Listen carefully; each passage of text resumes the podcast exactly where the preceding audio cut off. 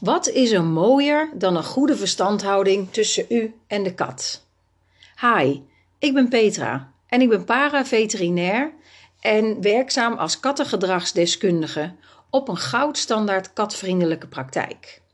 En ik geef u graag advies om uw kat zo gelukkig mogelijk te maken. De kat zal daardoor een stuk leuker in de omgang worden. De ware aard van de kat. Onze huiskat stamt af van zijn wilde voorouder, de Afrikaanse wilde kat. Deze katten leefden solitair in de woestijn. Kijkend naar onze katten, dan zien we dat er nog veel van hun voorouders in terug te vinden is. Zoals bijvoorbeeld de volgende eigenschappen: solitair. Dit betekent dat de kat geen groep heeft waar hij op terug kan vallen of die hem beschermt. Dit is de reden dat de kat zo onafhankelijk is. Katten leven graag met ons mensen omdat dit handig is in verband met verzorging, onderdak en eten. Dit betekent echter niet dat ze niet zonder ons kunnen. Een kat kan binnen een aantal weken op straat zich prima alleen redden. Omdat wij katten als huisdier zijn gaan houden, is het belangrijk dat we wel gaan kijken naar de eerste levensbehoeften van de kat. Jagen. Onze huiskat is een geboren jager. Dit is een aangeboren natuurlijk gedrag en hoort bij de dagelijkse behoeften. Hij jaagt altijd alleen. In het wild zou de kat de hele dag aan het jagen zijn. Zo vangt hij steeds een klein hapje. Hij wast zich, slaapt en begint weer opnieuw met het jagen. De jacht is niet altijd succesvol, dus moet de kat ook om leren gaan met frustratie. Jagen zal de kat altijd alleen doen. Zo'n acht keer per dag, waarvan er misschien de helft iets maar oplevert.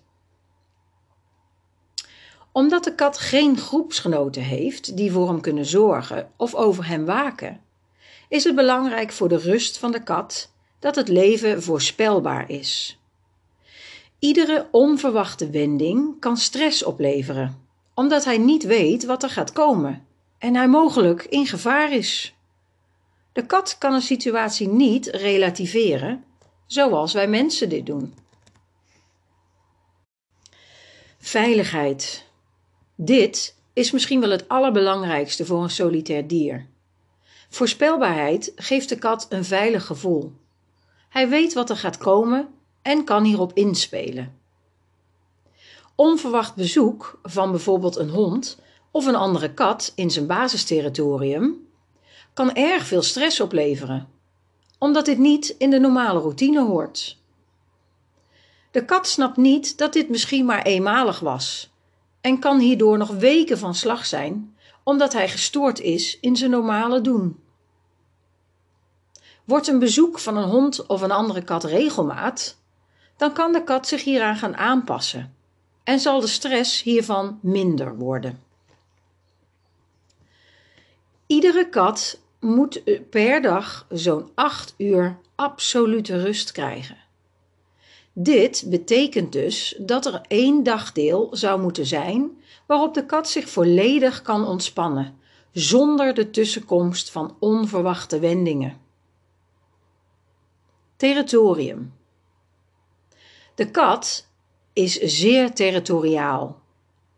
Dit betekent dat hij altijd zijn eigen territorium zal verdedigen tegen indringers. Het huis waarin de huiskat woont noemen we zijn basisterritorium. De tuin eromheen valt ook onder zijn territorium, maar kan in overleg gedeeld worden met andere groepsgenoten. Dit heet timesharing en hier kom ik later nog op terug. Dit betekent dus dat een kattenluikje of open deur de kat een heel onveilig gevoel kan geven, omdat er indringers binnen kunnen komen in zijn territorium. Zorg er dus altijd voor dat het basisterritorium veilig is voor de kat om zich in terug te trekken. Bijvoorbeeld een kattenluik met een chipaflezer. Of het bestrijden van brutale katten in de buurt.